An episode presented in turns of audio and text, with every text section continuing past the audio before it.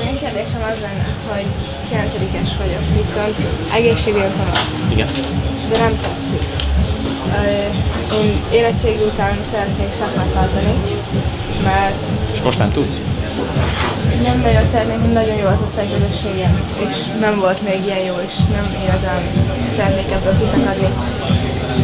Viszont a édesanyám meg azt mondja, hogy ha már belekezdtem, akkor azt muszáj végigcsinálni. Hogy, hogy ezt elkezdtem, meg kell fejezni. Viszont két éves a és tudom, mit szeretnék lenni, rajzokkal szeretnék foglalkozni, és hát nem helyet szeretnék nyitni. Igen. És ezt a két évet, amit az egészségügyen töltenék, az egy kicsit ilyen időpazarlásnak gondolom. Figyelj, én mindenképpen beszélnék először az anyukámmal, elmondanám, hogy mit szeretnéd pontosan csinálni, és hogy miért. De muszáj megmagyarázni, de muszáj megmagyarázni, hogy miért szeretnéd azt. Nem csak az, hogy ez akarok lenni. És utána, amit én tudnék csinálni, hogy tényleg már nem akarsz, lehet, hogy már ez is meg volt, menj el egy már helyre dolgozni. Azért, hát mindenképpen, mert most nyáron menj el. Csak azért, hogy tapasztalatot gyűjtsél. Egyáltalán tudom, hogy nem a feltétlenül a pénzért akarod csinálni, de hogy meg tudsz élni abból, mert nagyon fontos.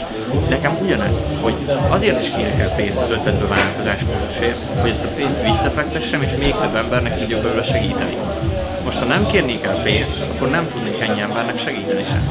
És menj el dolgozni, tapasztalod meg, hogy milyen lesz. És utána beszélj anyukáddal még egyszer erről. Szerintem. Segített ez valamennyire? Igen, sokat. Nekem nem egy ö, üzleti kérdésem. Nyugodtan, bármilyen jöhet. Van egy barátnőnk, aki hát elkezdett nagyon rossz irányba menni. Igen? És ő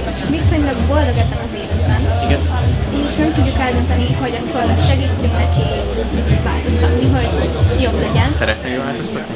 De viszont ő nem szeretne. Akkor nem. Nem, nem fogod tudni megváltoztatni egy olyan embert, aki jól érzi magát abban a szituációban, amiben van. Ez olyan, mint hogyha most azt mondta, hogy nem szeretne elmenni az osztályából, mert jó az osztályközösség, viszont én azt mondanám, hogy de igenis menj el, mert jobb helyed van ott. Nem menne el. Ilyenkor nem, én azt mondom, hogy próbáljátok meg hogy ne befolyásoljon titeket is.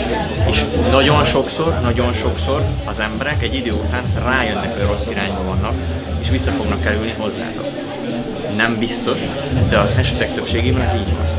Tehát, hogy most inkább az elengedésre tenném én a hangsúlyt, és utána majd visszajönne, és utána már vissza lehetne megváltoztatni, mert ő maga jönne rá, hogy rossz irányba volt.